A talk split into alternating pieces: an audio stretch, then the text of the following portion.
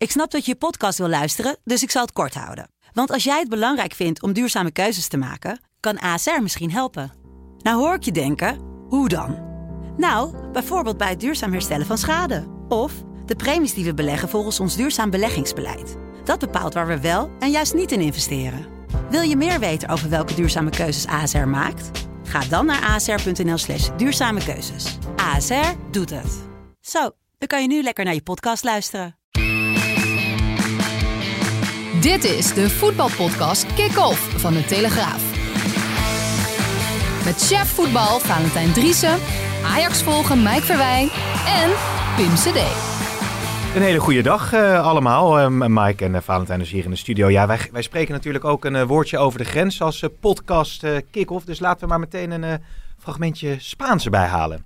Hoy es un día para estar muy feliz, para estar orgulloso. Todo el mundo sabe que, que Barça es para, para mí. Es mi casa. Ik, ik vroeg me af, spreken jullie eigenlijk een beetje Spaans? Mi casa. Mijn huis, ja. denk ik.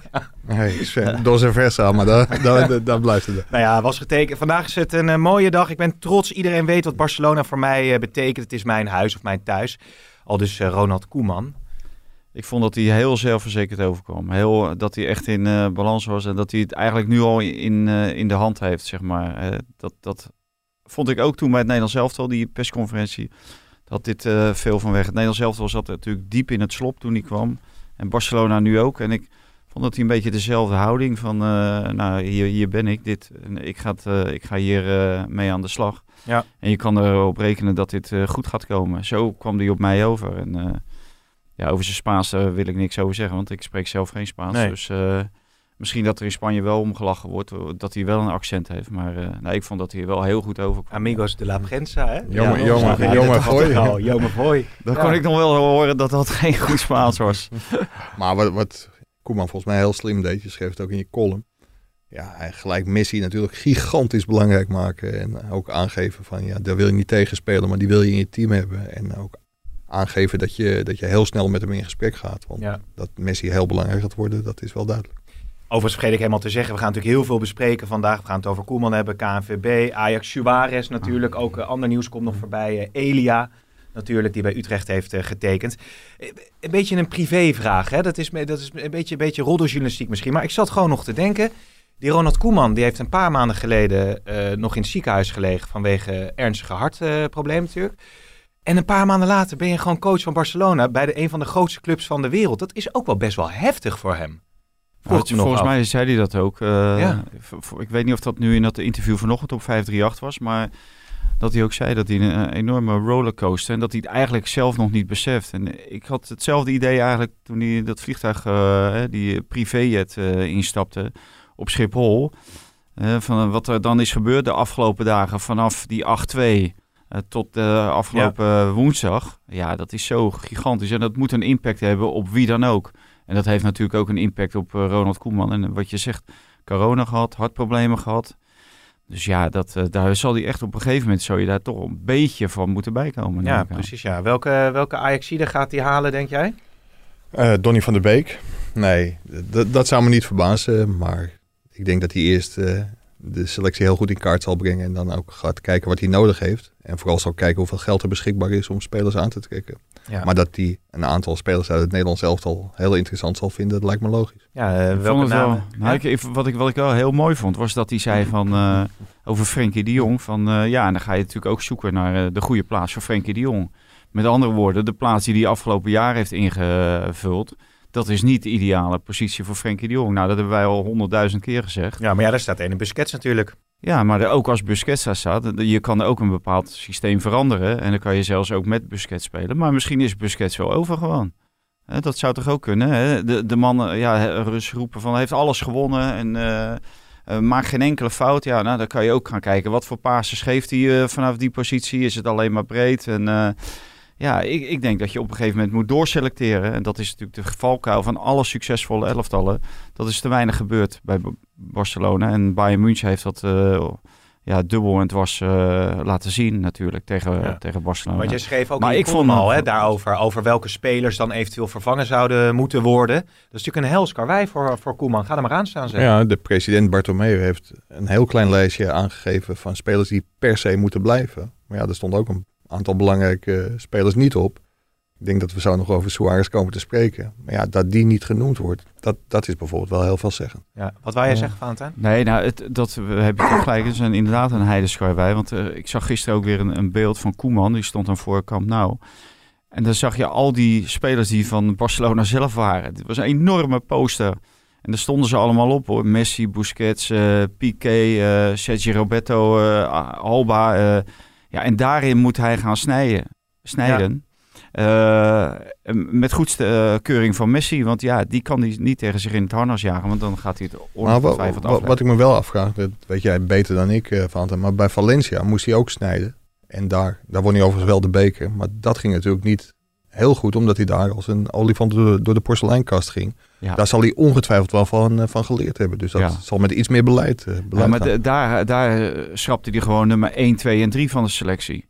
Die, die uh, zette die buiten. Ja. Ja. kijk, en dat zou gewoon resoluut uit het ja, team doen, dat, dat zou, kijk, als hij nu alleen nu al nummer 1 buiten zet, hè, Messi, ja, dan is het natuurlijk gedaan met je. Want ja, hij is nog wel zo goed dat hij in de Spaanse competitie en op het moment dat je een goed elftal erachter zet, dat hij natuurlijk het verschil kan maken. Ja, ja dus. ik zit, uh, dat is een mooie quizvraag van welke spelers werden toen uh, door Koeman uh, uit de selectie gezet bij uh, Canizares, Albelda, was dat, Albelda of zo. Ja, ja Albelda. Ja. ja. en nog, nog een. Ja, nou ja, goed. Ik zit het, inderdaad, ik zie het er staan. Aanvoerder was hij toen.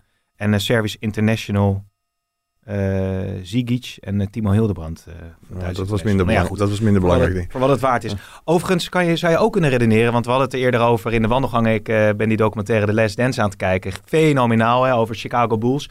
Waarin die oude kliek hè, met Scottie Pippen, Michael Jordan en Dennis Rodman nog één keer nou ja, het, uh, het, maximale eruit weet te persen. Je kan misschien ook een aantal van die oude spelers juist eh, binden aan je club. En ja. op bepaalde plekken wel verversen. Daar is Bayern München misschien wel het allerbeste voorbeeld van. Wat, wat de nieuwe trainer deed, was natuurlijk een aantal jongens die eigenlijk afgeschreven waren, weer belangrijk maken. En ja, dat kan nog één keer werken. Maar voor de lange termijn moet je natuurlijk ook andere beslissingen nemen. Ja, precies. en volgens mij hebben ze, hebben ze dat nu dit afgelopen seizoen ook geprobeerd want ze zijn allemaal eigenlijk, uh, op het moment dat ze fit waren, speelden ze gewoon. Met uh, Setien en met uh, Valverde. Hm. Dus ja, misschien is dat nu is het, misschien één brug te ver. Maar aan de andere kant, bij, je hebt dan over Chicago Bulls, maar die hadden natuurlijk ook een geweldige trainer die ook de taal sprak van deze jongens. Maar die ging uiteindelijk zelf ook weg. Hè? Die had zelf ook wel door, dit is echt het, het einde van deze ploeg. En er komt natuurlijk ooit een keer een einde aan. Ja, ja, ja, precies. Laten we even snel naar eh, de stellingen gaan. Een paar kort hoor. Eh, Louis van Gaal is de ideale opvolger van Ronald Koeman bij het Nederlands elftal. Oneens. Oneens. Wie wel? Naam? Nou ja, ik... Uh, even de stellingen, hè? Dus even ja, alleen de naam. naam Rijkaard zou ik de ideale, maar ik denk niet dat hij het doet. En ik vind daarachter, vind ik Henk de Kater, Ruud Gullit, okay. zou ik een ideale combinatie Heb jij een naam? Ja, ten, ten Kater zou ik... Paris ja, Nee, ook, ook gezien het verleden zou ik het wel heel geheel vinden als die nu de kans krijgt. Oké, oké. Okay. Paris Saint-Germain wint de Champions League. Oneens. Eens. Kijk eens aan. Het is raar dat Per Schuurs is opgenomen in de voorselectie van Oranje. Oneens. Eens. En Louis Serra is een keer terug bij Ajax. Oneens. Ja, nu, nu, ga, nu ga ik een heleboel Ajax-fans heel blij maken. Eens. Oh. Maar ik zeg niet dit jaar, hè? Oké, oké. Ja, jongens, het zijn zoveel uh, relevante onderwerpen. Wat pakken we eerst beter? De opvolging bij de KNVB of van Luis Suarez? Ik zou de KNVB, we zijn dan bezig toch met uh, Nederland zelf al. Nou ja, precies. Dus, uh, precies. Ja, jij bent, jij bent, jij bent niet van jij Katen en Rijka. Ik heb het goed voorbereid, maar ik geef jullie Maar je bent niet van de bruggetjes. Uh, dit nee, was Koeman, dit was een redelijk ik, ik, ik, zag inderdaad die stellingen. Ik denk, ik heb geen goed bruggetje.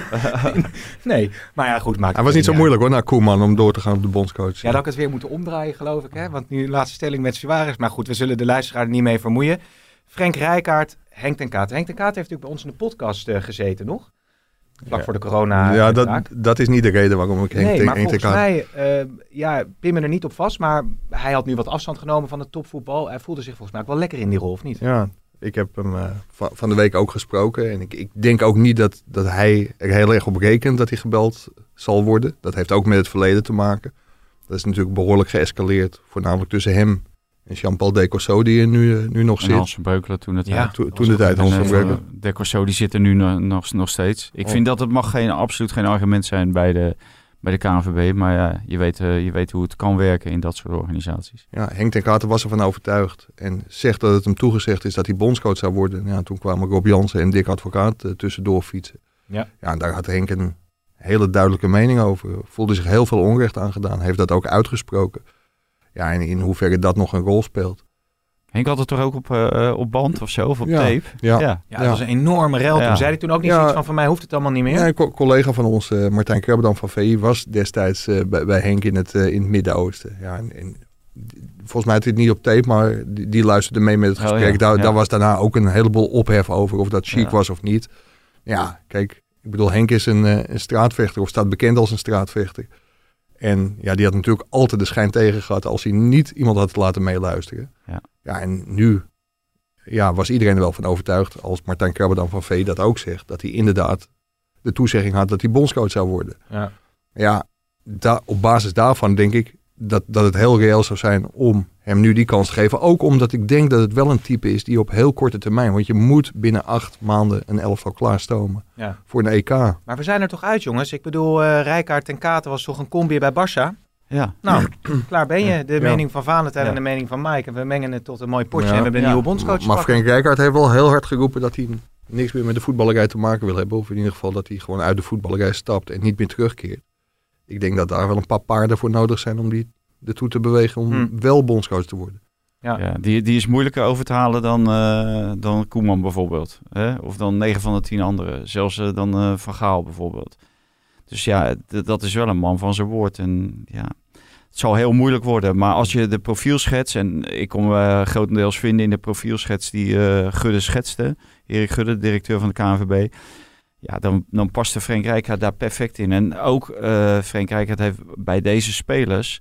Hoewel ze nooit met hem hebben gewerkt en, en hem eigenlijk niet echt goed kennen. Nee.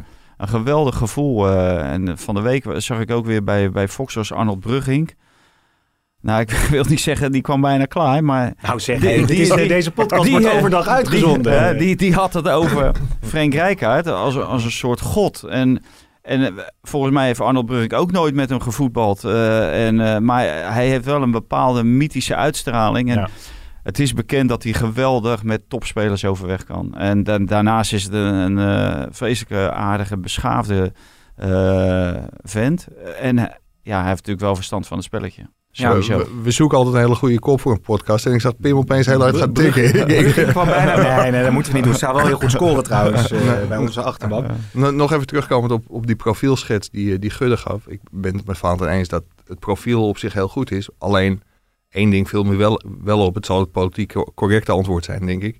Dat hij buitenlanders niet uitsluit. Maar ik denk dat je eigenlijk op voorhand wel een streep door buitenlandse namen moet zetten. Omdat die tijd tot het EK zo kort is. En mensen die de groep totaal niet kennen.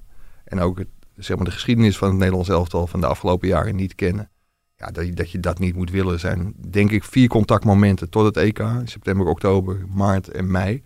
Ja, ga er maar aan staan als Arsène Wenger of eh, welke naam er ook allemaal Ja, genoemd wordt. Die, die ook afstand nam eh, van eh, het verhaal dat hij eventueel zichzelf eh, zou hebben Ja, dat, aangeboden. kwam ook, eh, dat was in diezelfde uitzending met Arnold Brugging. Eh dat was eh, Jan-Joos Vergangelen. Die kwam bijna klaar toen hij dat grote Niels kon brengen. ja, Eh, ja, ja. Nee, maar, maar, ja, dus, eh, maar dat bleek dus ook eh, een vloek, noemen ze dat geloof ik. Dus eh, ja, een, enorme misser. Dus, Kanaar. Ja, kanaar, vloek, misser. Ja, ja. Maar eh, ja, eh, we hebben in Nederland, wat Mike terecht zegt, waarom naar een buitenlander? We hebben hier genoeg eh trainerstalent rondlopen om het gewoon Nederlander te laten En, maken. en de, de, de Nederlandse opleiding is de duurste van de hele wereld, geloof ik. Het is natuurlijk een enorme disqualificatie als je met een buitenlander op de proef Ja, maar er zijn maar twee eh, Nederlandse coaches eh, bij, nu dan in de absolute topcompetities eh, bij de topclubs werkzaam. Dan heb je het dus over eh, natuurlijk Koeman nu en Peter Bos. En Peter Bos, die kent natuurlijk ook eh, die Ajaxiden die, die nu allemaal eh, grote namen zijn geworden. Lopen die spelers allemaal weg met, eh, met Bos? Of ze allemaal weglopen met, ze- met, Bos, weet ze- ik niet. maar Ik, weet- zouden zij, want de spelers hebben inspraak. Zou best denk- kunnen dat Frenkie de Jong, Donny van der Beek, Veldman, nou ja, noem maar Ja. een paar. ik, ik, ik, ik denk wel dat Peter Bos op termijn een hele goede bondscoach zal zijn. Maar volgens mij is dit niet het moment. Heeft hij ook een contract tot 2022. Zij Vuller bij Leverkusen al onmiddellijk van ja, leuk, maar op dit moment onbespreekbaar. Ja. Ik, ik, denk dat dat op dit moment geen optie is. Maar met Leverkusen ga je niet de Champions League winnen en word je ook niet zo snel kampioen. Als je concurrentie bestaat uit Bayern Maar, dus maar Peter Bos die wordt sowieso wel een keer bondscoach. Die heeft gewoon een hele goede naam. En op dit moment zit bijvoorbeeld Nico-Jan Hoogma en Gudde, die hebben allebei met hem gewerkt. Uh, die hebben hem ook voor dat Koeman zou komen, hebben ze hem ook al benaderd. Jan Smit kent hem. En Jan Smit kent hem, de president-commissaris, voorzitter van de Raad van Commissarissen. Dus, dus eh, Peter Bos, die hoeft echt niet in te zitten dat dit de laatste keer is dat het Nederlands elftal uh, vrijkomt. Nee, die, het Nederlands elftal komt daarna ook heus nog wel een keer vrij. En Peter Bos, die wordt echt nog een keer uh, bondscoach van het Nederlands elftal. Maar ik vind ook op dit moment is het niet... Het is weliswaar de droomkandidaat van sommige mensen binnen de KNVB, maar daar hoef je nu niet volop in te zetten. Den Haag? Uh, Sorry, ik moet die naam toch even noemen. Ligt ook vast, toch? Ligt ook gewoon vast. Dus uh, we hebben genoeg mensen die niet vast liggen en die meer dan capabel zijn en die zich hebben bewezen op het allerhoogste niveau. Nou, we hebben het over Rijkaard gehad, maar ook Henk ten Katen is samen met Rijkaard bij Barcelona Europees kampioen geworden. Bij Chelsea gezeten. Maar het zijn niet allemaal recente successen. Hè? Ik bedoel, als je kijkt naar Ten Kate, als je kijkt naar Rijkaard, uh, Cocu en De Boer vallen natuurlijk ook, hè, die namen samen. Het zijn natuurlijk coaches, die hebben de laatste jaren natuurlijk eigenlijk Maar, maar, maar Louis van Gaal deed ook heel erg goed uh, op het WK in 2014. En die had ook niet zo heel veel recente successen. Die had Koeman ook niet? Nee.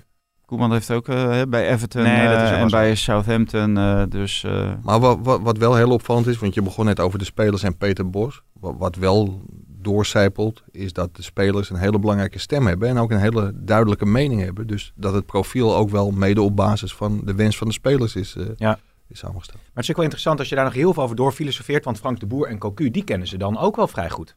Dus je kan echt, echt gaan, gaan kijken in die kopjes Ja, maar als je, als je iemand vrij goed kent, betekent dan niet dat je ook met iemand graag wil werken. Hè? Eh, Frank de Boer die heeft natuurlijk tegen dat hij drie keer is ontslagen de afgelopen drie clubs. En mhm. dat had mede te maken, dat wordt dan bij die club zelf gezegd, van het inlevingsvermogen.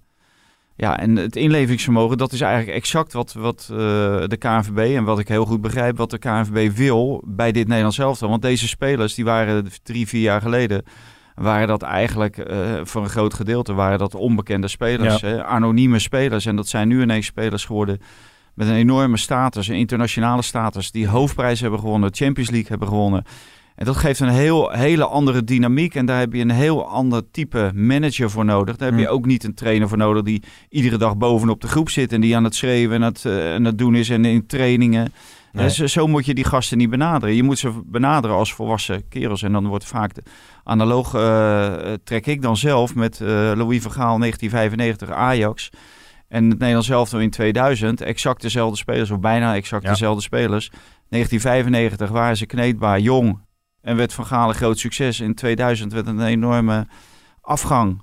Niet eens gekwalificeerd met het, met materiaal wat, wat vierde van de wereld was op dat moment uh, voor het WK. Dus... Ja, en deze spelers zijn natuurlijk nu alweer een uh, stapje verder. Wat, we hebben natuurlijk een, een, beetje Spaans gesproken. Zullen we nu een beetje Engels doen? Nou, Mag ik er nog één ding over zeggen? Wat, wat, wat, op zich wel heel erg mooi is. Koeman stapt natuurlijk wel op een fantastisch moment weg bij het Nederlands elftal. ja? Ja, natuurlijk. Iedereen denkt dat Nederland al Europees kampioen is. En dat gaan ze waarschijnlijk niet worden. Als je ziet hoe hoog dat verwachtingspatroon is op basis van een hele goede Nations League.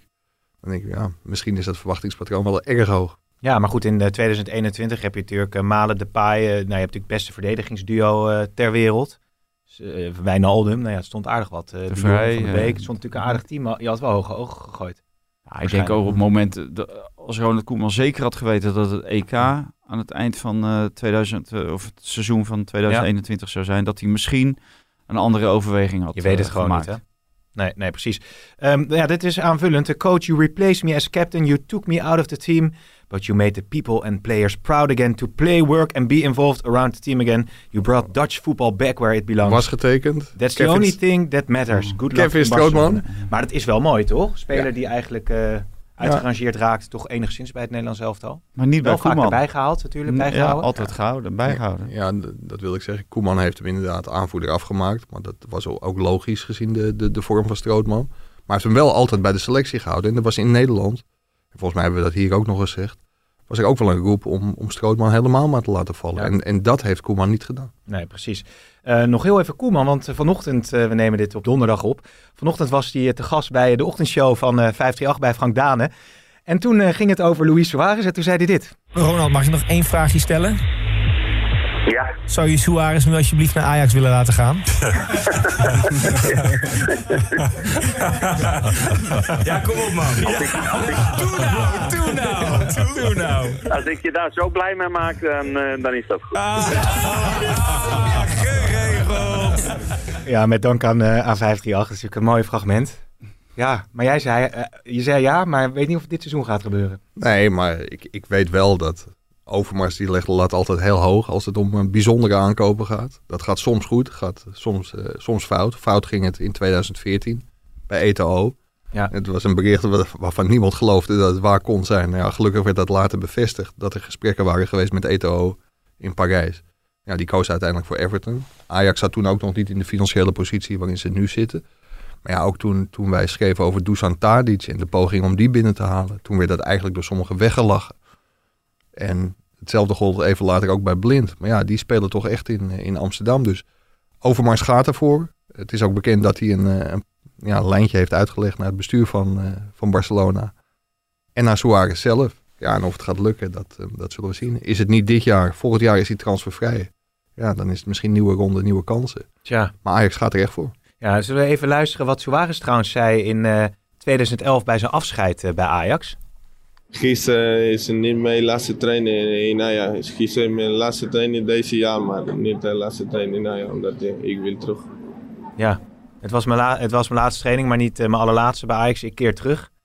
Hij, wil dus, hij, hij, hij, heeft dus zich wel voorgenomen om, om ooit nog uh, in dat rood-wit te gaan spelen van Ajax. Ja, we hadden van de week ook een, een tweet uh, van hem in de krant staan. Toen, toen we ook schreven over de mogelijke terugkeer van Suarez. En ja, toen schreef Ajax van het was zoveel jaar geleden dat hij zijn eerste wedstrijd speelde. En toen zei hij van een van de beste beslissingen ooit in mijn leven. Aan de andere kant, Suarez heeft Liverpool ook in, uh, in zijn hart. Dus ik, uh, ik denk dat hij wel een keer heel graag terug wil komen. Ja. Amsterdam en Ajax hebben, hebben wel een heel bijzonder plaatsje bij. Maar het is wel van het verbaast ja? mij ook dat hij bij die supporters dat hij zo gigantisch populair is. Hè? Want het, het is natuurlijk een onorthodoxe speler. Het is geen echte Ajax-speler.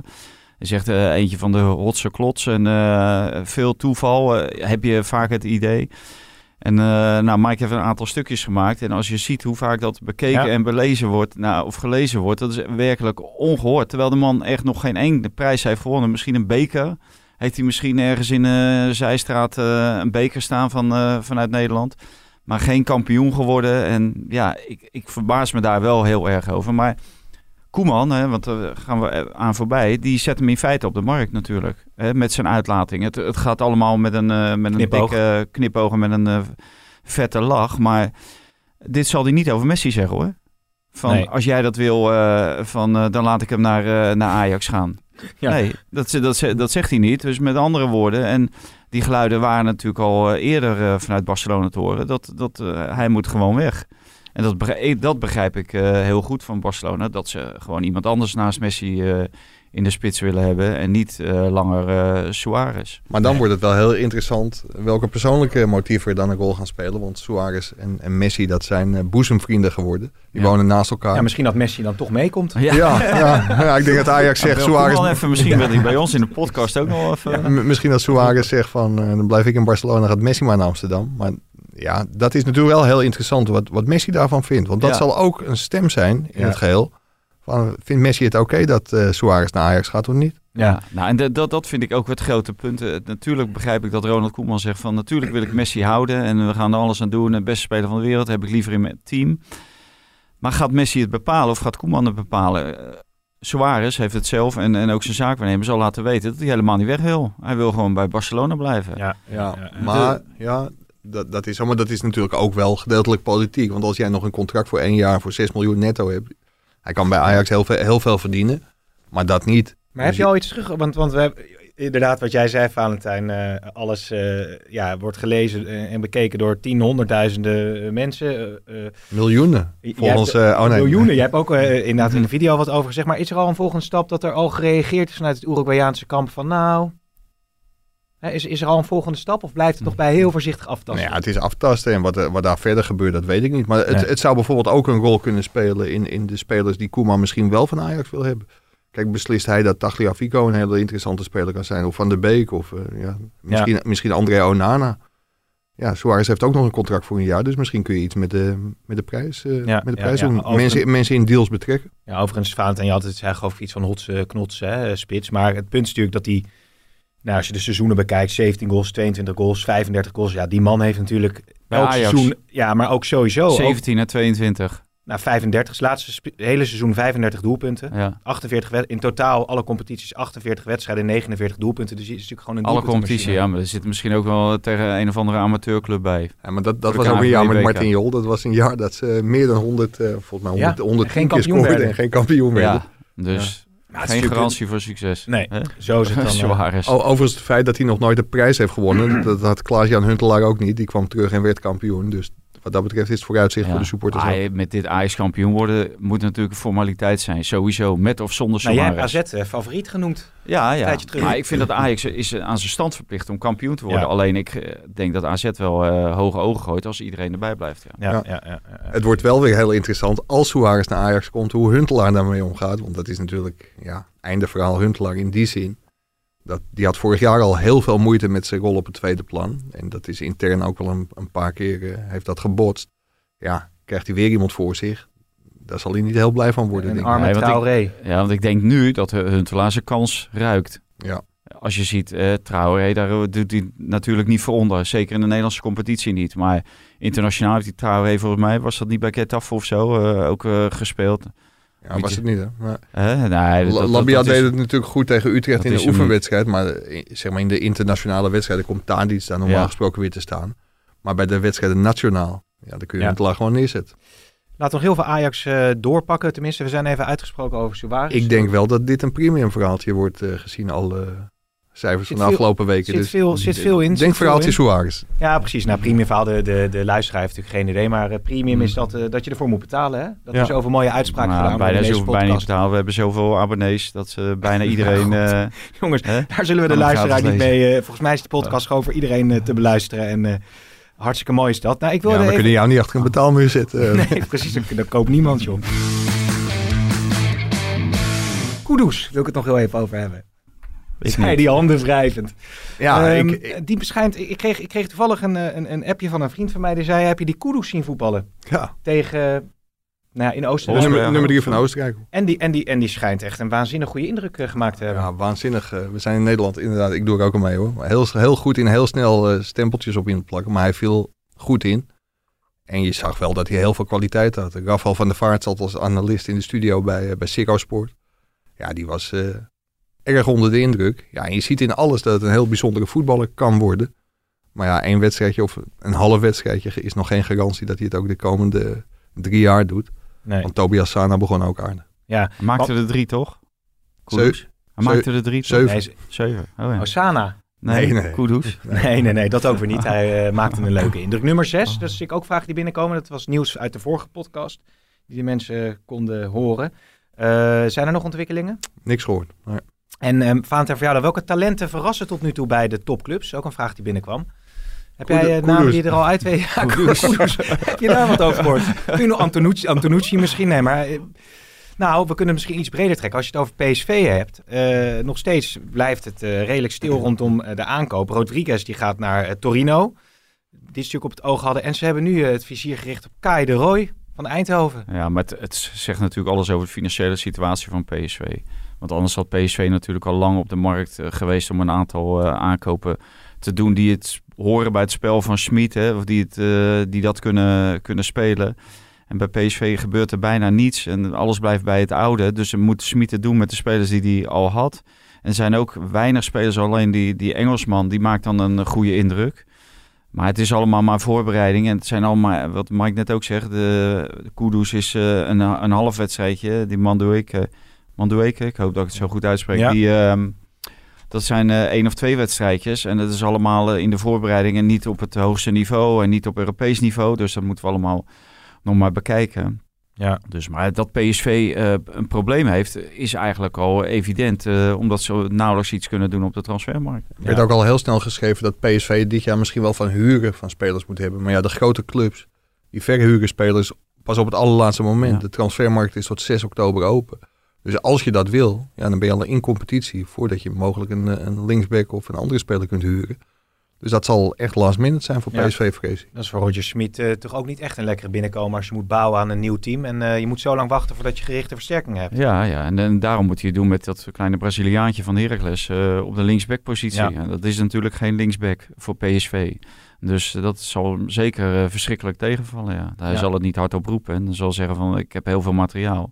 Maar dat heeft hij natuurlijk niet. Niet om het spel te spelen wat hij graag zou willen spelen. Nee, dus bij PSV eh, hebben ze financiële middelen nodig voor eh, nieuwe spelers. Eh, advocaat heeft het zich ook laten ontvallen hè, weer. Ik heb eigenlijk versterkingen Ja, erbij dat, dat nodig. doet hij anders nooit. Na de Eh, 0-0 de 0-0 tegen Twente. Nee, ja, en dat zet hij natuurlijk in de eerste helft zet hij een verdediging neer. Waarvan je denkt van ja, hoe kan je dat in godsnaam neerzetten? Zet hij al zijn sterke mensen zet hij op de bank.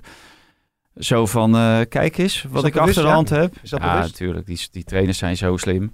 Henk, of, eh, Henk Vrezen deed de week ervoor ook bij eh, Sparta Feyenoord, of Feyenoord Sparta. En prompt kreeg En Beugelsdijk. prompt kreeg die Beugelsdijk. Ja, het is gewoon eh, de oude truc natuurlijk. En ja, die, die hoef je, hè, dikke advocaat hoef je natuurlijk niet, niet wijzer te maken dan die al is. Want die, die weet echt wel hoe dat werkt. Nee, maar komt er wel, IE komt niet hè. Eh er zal- Sven van Beek is geblesseerd. Ja, er zal uiteindelijk zal er wel iemand komen. Maar net wat Mike zegt, eh, misschien zoeken zij dan uiteindelijk ook wel in eh, gehuurde spelers. Ik vind wel dat op het moment dat je voor die Antonucci 2,2 miljoen, hè, dat is een speler van Volendam, eh, Ja. je weet totaal niet hoe die zich verder ontwikkelt. Bij, en ze laten hem nog ook nog een jaar bij Volendam. Ja, dan zou ik ook zeggen van eh, belangrijker is de eerste selectie. De, die, moet je, die moet je versterken. En Feyenoord heeft zich helemaal nog niet versterkt. Ik zag nu ook Brian Lins en dan is ook maar één wedstrijdje en ook nog in de voorbereiding. Maar ja, die maakte ook nog niet echt de indruk van, eh, nou, die, eh, die staat er eh Nee. voor Feyenoord hoor, een heel seizoen. Had je ook niet, dat kun je ook niet van hem verwachten misschien. Nee, nee, en ik verwacht het ook niet van hem. Nee, Ook niet van Diemers trouwens.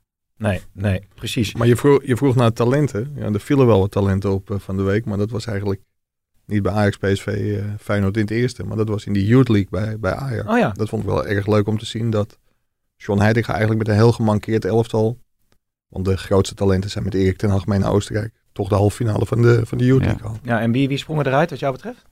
Ja, Sontje Hansen deed het goed. En ja, er, er zijn een paar spelers die eh, moeten ze niet al te snel, al te groot maken, hebben we net, Nee. al, net al gezegd. Maar ehm, ja, ik, ik denk als John Heitinga bijvoorbeeld Kenneth Taylor, Univar, Brobby erbij had gehad, ook eh Rens en eh Jurien Timber, ja, dan had hij dit toernooi gewonnen. En dat was op zich voor Ajax, voor de opleiding wel heel erg goed geweest. Ja. En in ieder geval voor de cv van, eh, van John Heitinga. Maar het is wel een beetje pijnlijk als je kijkt dat Ajax heeft zich dan nu gericht eh, versterkt. Ehm, AZ of PSV zit te worstelen, Feyenoord zit te worstelen. AZ gaat natuurlijk ook niet echt lekker met 2-0 van Monaco verloren. Hebben natuurlijk ook weinig, weinig achter de hand als Stenks bijvoorbeeld Ja. niet fit is. En Vlaar.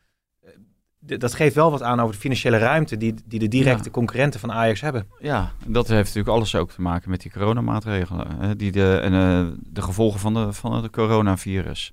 Hm. Eh, ja, de, de, de clubs hebben niet de inkomsten die ze anders eh, normaal wel eh, gehad zouden hebben. Of de gegarandeerde inkomsten. Bij AZ kan het misschien nog komen op het moment dat ze zich kwalificeren voor de Champions League. Hè, dan komt er extra geld. Maar Ajax heeft sinds die wedstrijd Bayern-Lyon die verzekerde, of die, ja, die eh, garantstelling wel hè, van al dat geld uit, eh uit UEFA-pot vanwege de Champions League. Dus die kunnen zich iets gemakkelijker bewegen. En dat konden zij al, omdat ze natuurlijk een, eh, een behoorlijke spaarpot hadden opgebouwd. En je ziet dat ja, Feyenoord, PSV, AZ, die spaarpot beduidend minder gevuld is. Ja, AZ is toch niet echt van de, de hele grote uitgaven, wel van de gerichte uitgaven. Maar het, het blijkt toch allemaal heel moeilijk te zijn, ja. Ja, en als je dan over anderhalve week geloof ik die voorronde Champions League tegen Victoria Pilsen moet spelen. Ja, dat, wordt nog een lastig, ja. dat wordt een lastig verhaal. Ja, een eigen huis. Weet je, heb jij al wat gehoord van, eh, van die eh, Tsjechen dan? eh, Ik heb, of die het nou ik heb mijn doen? mannetjes er naartoe gestuurd. Ja. dus ik- Nee, Nee, ja. Nou, hoor, nou hoor je het sta- eh, standaard antwoord te geven van. Ze hebben laatst ook van AZ Roma gewonnen. Ja, die had ik dan weer net niet paraat. Is dat zo? Ja, ja, gefeliciteerd. Ja. ja. Hey, eh, Mike, even iets serieus. Ehm, Was de- eh, dit was ook serieus, maar Ja. iets echt serieus. Elia, natuurlijk eh, mooi dat hij terugkeert in de eredivisie bij Utrecht. Maar jij bracht het nieuws eh, dat hij aangifte heeft gedaan. Ehm, Ga, ja, doen, ga doen. Ja. gaat doen. Ik, ik, ik, ik denk dat ik de uitspraak het best wel gewoon even kan vermelden die op Twitter stond. De kankerapen, als je in Enschede komt, dan eh, steken we je kind in de fik. Volgens mij. Nou, dat, eh, wat- eh, als je het voorleest, moet je het even helemaal eh, voorlezen. kan het er even bij halen. Dan, volgens mij dan, Maar- dan trekken we je kankerkop eraf en, Dan- en steken je kind in de Ja, fik. precies. Maar dat, dat is ja. Ja, beneden alle pijl. En je kunt ervoor kiezen om dit soort idioten geen enkel podium te geven. En dat moet je denk ik heel vaak doen. Maar Elias zei heel terecht van ja, als zijn kinderen erbij betrokken worden. Op een gegeven moment is de maat ook vol. En dan moet je dit soort idioterie, schandalige acties, moet je gewoon aanpakken. En ik vind het heel goed dat hij naar de, naar de politie stapt. Ja. Ja, en ik hoop ook dat we de follow-up te horen krijgen. Wat er, wat er daadwerkelijk mee gebeurt. En of de politie er wat mee doet en wat ze ermee doen. En wat er uiteindelijk de gevolgen zijn voor degene die het op eh, internet heeft gezet. Want het is volgens mij heel gemakkelijk te achterhalen. Dus, eh, want dat was natuurlijk eh, van het Nederlands elftal. Want daar waren natuurlijk, die hadden, hè, er stonden alle donkere jongens op een foto. Nou, daar kwamen ook natuurlijk de meest verschrikkelijke dingen op los. En uiteindelijk hoor je daar weer weinig van. En dat vind ik wel, wel jammer, want ik denk dat je het juist erin moet wrijven. Eh, om te laten zien van hè, dit doen wij eraan en dit is ermee gebeurd. En je bent niet veilig op het moment dat je dat soort dingen denkt in de anonimiteit gewoon op internet te kunnen zetten Mm. of op Twitter te kunnen zetten. Ja, dat, Dan dat krijg je er gewoon van langs. En dan, ik denk dat dat ook wel belangrijk is, want dat schrikt misschien ook een beetje af tenminste. Maar dat zeg je denk ik heel goed. Want als je nu bekijkt, ja, het is echt aan het OM. Ik kreeg gisteravond foto's van de beste, beste man. Het is geen beste man, het is een, eh, een idioot. Maar ik kreeg foto's van die idioot. Ik kreeg eh, zijn adres, zijn telefoonnummer, zijn e-mailadres. Krijg je allemaal doorgespeeld? Gisteravond eh, al op hetzelfde moment. Overigens heeft hij een profiel alsof het een, eh, alsof het een vrouw is. Ja, het blijkt een, blijkt een 52 52-jarige kerel uit Enschede te zijn. Ik denk, ja, weet je, als het OM en de politie hier niks mee doen, dan is het gewoon onwil. Want ze, ze kunnen er nu naartoe rijden en ze kunnen hem oppakken. Alleen gebeurt dat. En ik denk dat er hier gewoon een heel stevig signaal afgegeven moet worden. En dat het in dit geval wel moet gebeuren. Ja, duidelijk. Of duidelijk. niet alleen in dit geval, in al dit soort gevallen moet Ja. gebeuren. Het is in ieder geval eh, mooi dat Elia wel bij Utrecht gaat spelen, denk ik. Eh, sowieso, hè, Van der Wiel teruggekeerd, eh, bij RKC Vernon Anita teruggekeerd, Arjen Robben teruggekeerd. Ja, dan gaan we zo een poeltje maken. Wie Ja, de meeste wedstrijden nou, speelt. Ja, of ik wou zeggen, wie is de volgende oud-international die, eh, die terugkeert? Sjaak Zwart, denk ik. Ja, maar eh, verwacht jij niet dat ze veel gaan spelen? Nee, nou, het, er gaat nu natuurlijk al van eh, hè, welke van deze spelers komt het meest aan speeltijd toe. Eh, Van der Wiel heeft natuurlijk twee, da- twee jaar stilgestaan, volgens mij is een beetje. Arjen Robben heeft één jaar stilgestaan. Vernon Anita heeft niet veel gespeeld. Elia wel, hè, want die, Ja. die komt uit En een eh, ook, ja, Tur Turkse Kampioen van Turkije. Ja. Dus eh, nou, ik, ik zet mijn geld dan op, eh, op Elia. Eh, maar het, is inderdaad wel een leuke ontwikkeling om, om te zien. En hopelijk kunnen zij jonge spelers, want de Nederlandse competitie bestaat uit heel veel jonge spelers, bij de hand nemen en wat, wat wijzer maken. Ja. Ja. Utrecht wel ambitie als je ziet Mahi aangetrokken. En ze zijn nog niet klaar, zeggen ze. Ze willen de top 3 aanvallen. Ik wil nog wel zeggen dat ik, ik had vanochtend even contact met Frans van Seumeren en met Jordi Zuidam. Die nemen die zaak tegen Elia ook echt heel serieus op. De advocaat van FC Utrecht is er ook op gezet. En ja, die jongen die wordt echt eh, beschermd en ook geholpen bij deze aangifte. Dus Utrecht neemt deze zaak ook, eh, ook heel hoog op. Oké, hartstikke goed. Nou, Ja, eh, Utrecht moet nu natuurlijk wel een keer gaan presteren als je dit soort spelers allemaal binnenhaalt. want vorig jaar hadden ze eigenlijk ook wel best wel veel investeringen gedaan. ja, hè? daarom. Dus het is nu al het tweede jaar achtereen. Dus Van der Brom krijgt bijna alles wat hij wil. Dus hij mag nu mag hij, eh, mag hij het wel laten zien. En eh, ja, de top drie vind ik ook... eh, hè, dan wil ik Utrecht dan nog wel één plaatsje extra gunnen. De top Mm. vier aanvallen. Dus als ze bij de eerste vier komen, dan vind ik dat ze het wel goed hebben gedaan. Ja. Mike, jij kwam van de scheidsrechtersbijeenkomst in Zeist vandaag. Bij mijn grote vrienden van, nou ja, Ja, wordt, de VAR eh, dit seizoen wel een eh, doorsla doorslaand succes? We kregen allerlei cijfers te zien en ja, dat was toch wel opvallend. Er is 58 keer ingegrepen en ja, vooral erg goed, eh, goed ingegrepen. Maar er waren toch ook een, eh, ja, een keertje of 28 dat ze nog hadden kunnen ingrijpen. Dus daar wordt wel heel kritisch naar het functioneren van de, van de VAR gekeken. Ja, En volgend jaar krijgen we die lijnen, hè? Ja, Die buitenspellijnen die in Engeland eh, die wedstrijden af en toe eh, acht minuten stilleggen. Ja, dat het net wel, net niet. Ja. ik heb ook gevraagd aan Dick van Egmond waarom ze daar nou voor gekozen hebben. Want ja, volgens mij was het vroeger altijd zo, in, in de tijd dat er nog geen VAR was, dat grensrechters niet mo- moesten vlaggen bij, eh, bij twijfel. Ja, nu haal je elke twijfel weg, want het is gewoon op de millimeter nauwkeurig te zien of iemand wel of niet buitenspel Nou, stond. ja. En ik, ik vraag me echt af of dat in het belang van het voetbal is. Ja, dat pareerde Dick van Egmond, de scheidsrechtersbaas, door te, door te stellen dat de clubs dit heel graag wilden. Omdat dat toch weer een stukje onduidelijkheid wegneemt en het toch weer iets eerlijker wordt. Ja, ja. maar ik, ik denk dat dit eigenlijk een, een dramatische beslissing is om dit in te voeren. Omdat ik, ja, ik vind het gewoon niks. Ik vind bij twijfel buitenspel, en die twijfel was er vorig jaar nog af en toe en dan werd een doelpunt goedgekeurd. Dat is Bij volgens twijfel buitenspel. Ik vind bij twijfel dan geen buitenspel. bij twijfel dat het geen buitenspel Ja, was, ja. dus werd het doelpunt goedgekeurd. Ja, ja.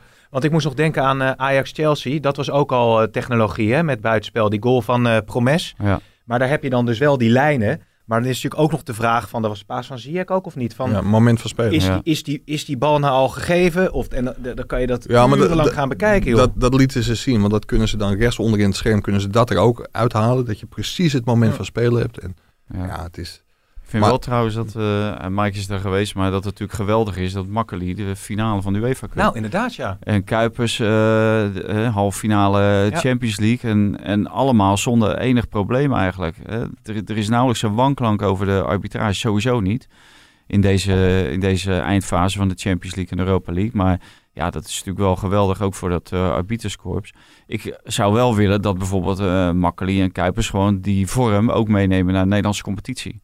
Want dat verdienen we ook hier. Want uh, hier, dit, hier ligt in feite natuurlijk de basis. Maar maken ze zich hier met uh, Jantje van Leijen? Ah, ik wil net zeggen, is dat vorm of is dat concentratie? Want ja, af, en toe nou, heb, af en toe heb je het idee dat ze het ja. hier wel even met twee ik, vingers in de neus... Ja, maar ik heb ook het idee dat Valentijn meer geconcentreerd is bij Veronica Site dan bij deze podcast, niet? Maar daar krijgt hij ook veel meer geld voor. Ja, adrenaline. nou, daar krijgt hij wat voor. Maar... ja, precies. Maar vind je, dat, weer, hoor. Vind, je, dat ze waardeloos fluiten dan in de competitie? Nee, maar dat, dat mag wel. Ik las ook uh, dat Makkeli zei, ja, het, het, het, geeft me extra adrenaline, dat, dat soort wedstrijden. En dan ben ik extra scherp. denk nou, je moet in Nederland ook extra scherp zijn. Want dat verdienen die spelers ook. Uh, die verdienen ja. ook uh, de beste Makkeli en de beste, beste Kuipers. Maar ik vind, wel dat, ik vind het wel leuk dat, dat ze het zo goed doen. En ja, dat, uh, ik weet ook wel dat er heel veel politiek bij, bij komt kijken. Maar het geeft wel aan dat, uh, dat die twee op de goede weg zijn, ook richting het EK. Ik ben benieuwd of de UEFA ook alle twee blijft uitnodigen. Ja, ja. En, en jij wil nog wat zeggen? Ja, in, in Zeist bleek vooral dat uh, komend seizoen kunnen we een nog grotere penalty tombola verwachten. Met, met hands, wel of niet. Ja, echt als je daar ook die regels ziet. Er is bij, ja, bijna geen touw meer aan vast te knopen. Je denkt, en dat is heel hoopgevend, een bal boven de oksel is geen, uh, geen hands meer. Mm -hmm. Alleen, nu wordt er gezegd dat iedereen die zijn armen ook maar een beetje van zijn lichaam afhoudt. En daarmee het risico neemt dat hij een penalty veroorzaakt. Dan gaat die bal wel onmiddellijk op de stip. Dus Dick van Egmond verwacht meer penalties vanwege hands. Ja. Maar hij heeft ons beloofd dat het niet zo gek wordt als in Italië. Waar gewoon God, echt elke bal op de arm... Matthijs Licht, die kan erover meepraten. Maar ik zit nog te denken, een bal boven je oksel, dat is natuurlijk... Dat, dat is het. Ja, voor, voorheen was het, als het op je ja. schouderblad was, oh, was het geen hands. Maar hier... En hier is het nog steeds geen. Ja, dat is voor de luisteraars. Ja, ja precies. Ja. Maar, maar aan de andere kant, zeg maar, je bicep is wel weer hands. En dat kan, ja. Ze lieten beelden zien en dan riep de helft van penalty. En de helft zei geen penalty. Dus dat wordt uh, op goed geluk, denk ik. En voor de luisteraar, je ging een centimeter of twee naar beneden met je, met je hand. Dus, dat, dus, dus ja, je mag die bal iets lager ja, je schouder uh, krijgen. We gaan rustig naar een afronding. Om, ik heb me goed voorbereid, dus ik maak de cirkel rond. Jij bent weer in Zeist. We zijn begonnen met oranje, dus we eindigen ook met oranje. Goed bruggetje. Mooi hè. Per Schuurs uh, kwam een stelling uh, naar voren. Ja, er zijn natuurlijk vo volgers van andere clubs die dan weer denken... God hoor, zijn Ajax City uh, die, die maakt nu eindelijk kans op een basisplaats. Die wordt meteen weer bij de voorselectie gehaald. Ja, maar welke spelers leveren Feyenoord, PSV dan voor centraal achterin of AZ? Dus die, die zijn er natuurlijk niet. Je zei on oneens hè? Ja, ja, ja. Maar de, de, hoe heet het? ik ben het oneens omdat Per Schuur zich absoluut nog niet heeft bewezen. Alleen dat is natuurlijk een heel logisch gevolg. Dat je vanuit Jong Oranje doorstroomt naar het grote Oranje. Omdat ze de Mhm. mm -hmm. bepaalde potenties in iemand ziet. Maar hij heeft helemaal geen basisplaats bij Ajax nog. Daar zit hij misschien nu wel dicht tegenaan. Ook omdat er natuurlijk uh, geen andere centrale verdedigers uh, zijn. En de lichts is er natuurlijk niet bij. Dus er moet iemand doorschuiven. Nou, en dat, dat is, zal hij dan zijn of hij in de definitieve selectie komt moeten we afwachten. Want we hebben daar ook Stefan de Vrij staan en AK. Nou, dat lijkt ja. me voldoende. En dan hebben we Deli Blind nog, die linksback, maar ook centraal kan staan. Dus uh, ja, ik, ik denk nou, zelf dat hij er niet bij zal zitten. Maar uh, ik, ik zou het ook heel vroeg vinden. En hij maakt ook mij ook nog niet de indruk van... Uh, nou, hier is een Nederlandse elftal international aan het, aan het werk. Ja, de, de kenners die, ja, die, die zien heel veel potentie in Schuurs hij is zeg maar, of Mark Overmars is attent gemaakt op Schuurs door, uh, door Henk ten Katen toen hij met zijn ploeg uit het Midden-Oosten ooit een keer tegen Fortuna Sittard oefende. En ja, Henk ten Katen is ervan overtuigd dat het, een, uh, dat een hele grote gaat worden. Maar dat heeft hij nog niet laten zien. En Erik ten Hag was daar niet heel erg van overtuigd. Die had ook liever een, een andere speler, een buitenlandse speler, een nieuwe speler daar, daarvoor. Hm. Maar met Bogarde moet hij het echt, uh, echt gaan doen om die schuurs klaar te stomen voor, uh, voor een basisplek. Want ja. normaal gesproken komt er geen andere rechter centrale verdediger. Nee, hij moet het met uh, Timber gaan uitvechten dan wie daar, of Alvarez wellicht nog. Of die is echt op het middenveld nu geposeerd. Ja, maar dat is geen onverdeeld succes. Dus misschien dat er uiteindelijk, want dat, dat is echt net de heen en weer van FC Volendam. Dan staat hij in de achterhoede, dan op het middenveld en dan toch weer in de achterhoede. Dus ik denk dat ze nog steeds niet weten wat nou de beste positie voor Alvarez is. Oké, en gaan we voetballen in september wel in de Nations League tegen Polen en Italië in de arena? Nou, niet uh, als je gewoon alle coronamaatregelen echt serieus neemt, dan uh, kan het haast niet met die quarantainemaatregelen. Alleen nu zijn er een. De UEFA heeft verzocht aan alle 55 bonden, nationale bonden, om bij hun regering te pleiten voor een uitzonderingspositie voor het topvoetbal. Dat noemen ze dan een Europese voetbalcorridor moeten komen. Dus dat de, de landenploegen gewoon vrij kunnen reizen en staan en gaan waar ze, waar ze willen. Mm. Natuurlijk met inachtneming van de normale coronaregels. Maar los van uh, het, het geel, het oranje of, uh, of de code rood, uh, zeg maar. Dus ja, dat zal afwachten zijn. normaal gesproken zijn bepaalde overheden zijn niet zo scheutig om uitzonderingsposities te geven. Ook in Nederland niet. Dus ja, ik ben benieuwd. Aan de andere kant, oranje betekent noodzakelijke reis mag wel. Hè. Jong oranje moet bijvoorbeeld naar Wit-Rusland dat is dan een noodzakelijke reis, stelt de KNVB, omdat je schrijft je in voor een toernooi. Dus daar wil je dan ook bij zijn, of daar moet je dan bij zijn. En dan moet je kwalificaties uh, spelen. Dus uh, die willen daar gewoon toch heen. Alleen bij Wit-Rusland speelt natuurlijk de hele politieke, instabiele politieke situatie dan weer een rol. Uh, de vrouwen die moeten naar Rusland, ook oranje gebied. Ja, moet je kom je terug, zou je in quarantaine moeten. Nou, daar proberen ze dan een uitzondering daar hebben, ze toch, daar hebben ze toch al een vaccin? Ja, in Rusland hebben ze een vaccin. Gewoon vodka? Dat ja. Nee, dat was dus Wit-Rusland. Dat was eh, Wit-Rusland, ja. ja. ja. Lukashenko. Dus... Uh, nee, ja, het, het, is afwachten. Ik denk dat de kogel wat dat betreft nog zeker niet door de kerk is. De KNVB heeft ook gesteld dat zij alle voorbereidingen uh, voor die wedstrijden met de Nations League doen zoals ze altijd doen. En vandaar ook die voorselectie en weet ik wat allemaal. Want het kan, het, het kan wel en het kan niet. Het is echt dagkoersenwerk. Uh, Zo staan zij er ook in. Duidelijk is nu inmiddels wel dat die, dat die wedstrijden in ieder geval zonder publiek uh, worden gespeeld. Oké, ja. oké, oké. Jongens, ik ben, uh, we hebben zoveel besproken. Ik, uh, ik, ik, we stoppen er maar even mee. Ben kapot. Staat Martin Visser voor de deur? Martin Visser, DFT-columnist voor de volgende podcast. Nee, we gaan rustig afronden. Ik zeg dank voor jullie bijdrage weer. En tegen de luisteraars zeg ik natuurlijk tot de volgende keer.